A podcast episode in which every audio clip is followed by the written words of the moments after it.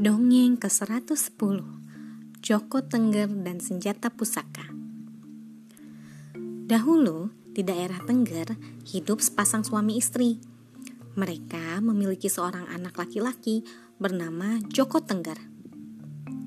Joko Tengger adalah pemuda yang baik hati dan sangat kuat.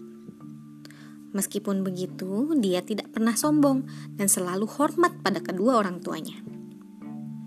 Suatu hari, ayahnya yang bernama Ki Umah menyuruh Joko Tengger untuk menjual hasil ladangnya ke kota. Anakku, bawalah hasil ladang ini ke kota, kata Ki Umah. Baik ayah, aku akan membawa hasil ladang ini dan menjualnya ke kota, kata Joko Tengger. Joko Tengger lalu mengumpulkan hasil ladang yang akan dibawa ke kota. Hasil ladang itu ternyata sangat banyak dan berat.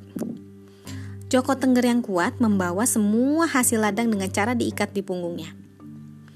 Kabar kekuatan Joko Tengger terdengar sampai ke telinga Sri Sultan Kartasura. Sri Sultan lalu menyuruh pengawalnya memanggil Joko Tengger. Sesampainya di istana, Joko Tengger segera menemui Sri Sultan. Maaf Baginda, ada apakah sehingga Baginda memanggil hamba? Tanya Joko Tengger. Aku sudah mendengar semua kekuatanmu. Aku ingin kau mengabdi di istana, kata sang sultan. Joko Tengger tentu tidak bisa menolak permintaan sang sultan. Akhirnya dia pun mengabdi pada kerajaan Kartasura. Suatu hari, si sultan bertanya pada Joko Tengger. Joko Tengger, seba sebenarnya senjata apa yang kau miliki? Tanya Sri Sultan.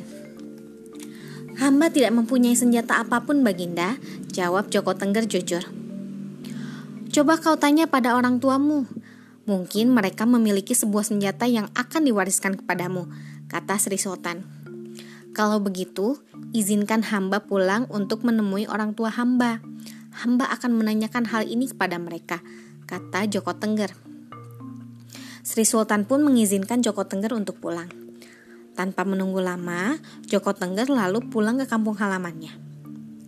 Sesampainya di rumah, dia disambut kedua orang tuanya dengan sukacita. Ki Umah dan istrinya sangat rindu pada Joko Tengger. Joko Tengger lalu menyampaikan pesan Sri Sultan kepada kedua orang tuanya. Ayah, ibu, Sri Sultan bertanya kepadaku tentang senjata pusaka. Apakah ayah dan ibu mempunyai sebuah senjata untuk diwaraskan kepadaku? Tanya Joko Tengger. Mendengar hal itu, kedua orang tua Joko Tengger sangat sedih. Mereka tidak memiliki senjata apa pun untuk diwariskan kepada anaknya. Anakku tercinta, sesungguhnya senjata yang paling ampuh adalah kedua orang tuamu, ayah dan ibumu, kata Ki Umah. Mendengar jawaban ayahnya, Joko Tengger memutuskan untuk mengajak kedua orang tuanya ke istana. Kalau begitu, ayah dan ibu harus ikut ke istana untuk bertemu Sri Sultan. Aku akan memberitahu Sri Sultan kalau kalian berdua adalah warisan dan senjata pusaka untukku, kata Joko Tengger. Mendengar ucapan anaknya, kedua-kedua kedua orang tua Joko Tengger sangat terkejut. Sebenarnya Ki Umah hanya memberikan kata kiasan kepada Joko Tengger. Tapi Ki Umah tidak ingin membuat anaknya kecewa.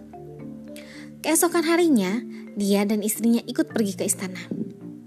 Setibanya di istana, tiba-tiba Ki Umah dan istrinya berubah menjadi dua buah meriam. Melihat hal itu, Joko Tengger sangat terkejut dan sedih karena harus kehilangan kedua orang tuanya.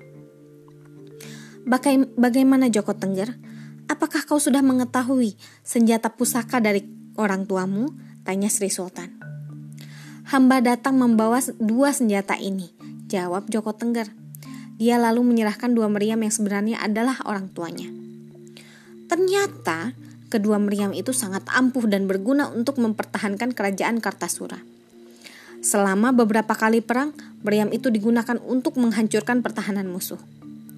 Kedua meriam itu kemudian diberi nama Kiai Setomo dan Nyai Setomi. Kedua meriam itu masih ada sampai sekarang. Meriam Kiai Setomo berada di Taman Fatahillah, Jakarta. Sedangkan meriam Nyai Setomi masih ada di Kartasura. Sekian, terima kasih telah mendengarkan. Selamat malam.